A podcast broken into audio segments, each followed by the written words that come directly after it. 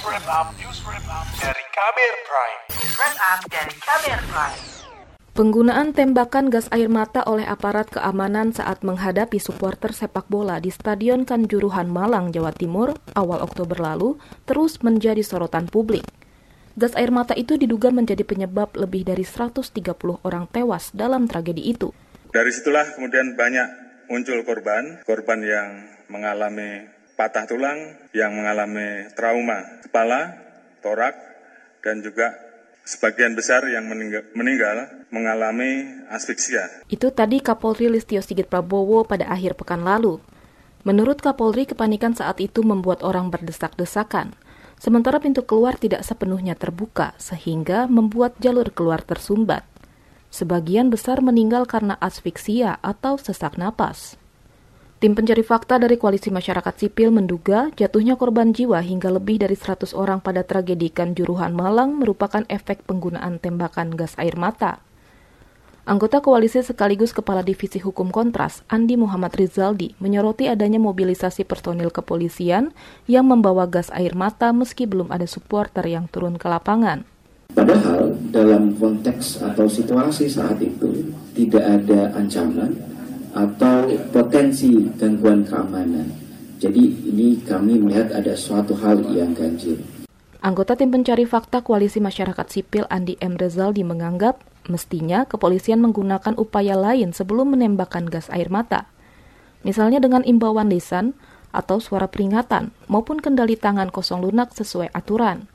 Tim menduga penggunaan gas air mata memicu kepanikan puluhan ribu supporter yang langsung berdesakan menuju pintu keluar stadion. Rizaldi menyebut dalam kondisi itu banyak supporter sesak napas, terjatuh, terinjak-injak hingga meninggal dunia. Kritik penggunaan gas air mata juga disampaikan anggota legislatif. Anggota Komisi Olahraga DPR Dede Yusuf menegaskan, Federasi Sepak Bola Dunia FIFA telah melarang penggunaan gas air mata untuk pengamanan di stadion sangat tidak diperbolehkan. Bahkan di FIFA, aturan FIFA juga itu sudah tidak boleh. Sudah ada kesepakatan tahun 2019 juga pada saat pertandingan waktu itu saya lupa di mana, juga mengatakan tidak boleh digunakan. Nah, kalau sampai digunakan, pertanyaannya adalah siapa yang mengizinkan bom asap itu digunakan? Kalau ada asap yang kebetulan asap ini buat bubarin demo, bukan hanya mata yang perih, tapi juga sesak napas. DPR menilai kepolisian seharusnya mengambil langkah penanganan yang tepat untuk menghalau masa agar menghindari jatuhnya korban jiwa.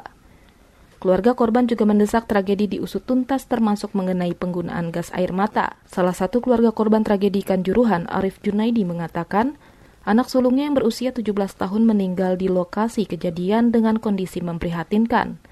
Arif mengatakan anaknya mengalami kejang dan sesak napas. Kondisinya kian memburuk usai terinjak-injak pasca aparat menembakkan gas air mata. Selain anaknya, dua keponakannya juga mengalami luka membiru di wajahnya dari informasi hanya sekedar ya kena itu gas air mata itu. Ya informasi berikut itu nunggu dari saudara-saudara Aremania Malang dan Nah, setidaknya kita ingin diklarifikasi ditindaklanjuti. Perhimpunan Dokter Paru Indonesia atau PDPI menjelaskan, gas air mata jika terpapar pada seseorang akan menyebabkan iritasi pada mukosa atau sel kulit mati dalam tubuh. Ketua PDPI Agus Dwi Susanto mengatakan, gas air mata merupakan senyawa kimia yang dapat mengiritasi kulit, paru-paru, mata, mulut, dan tenggorokan.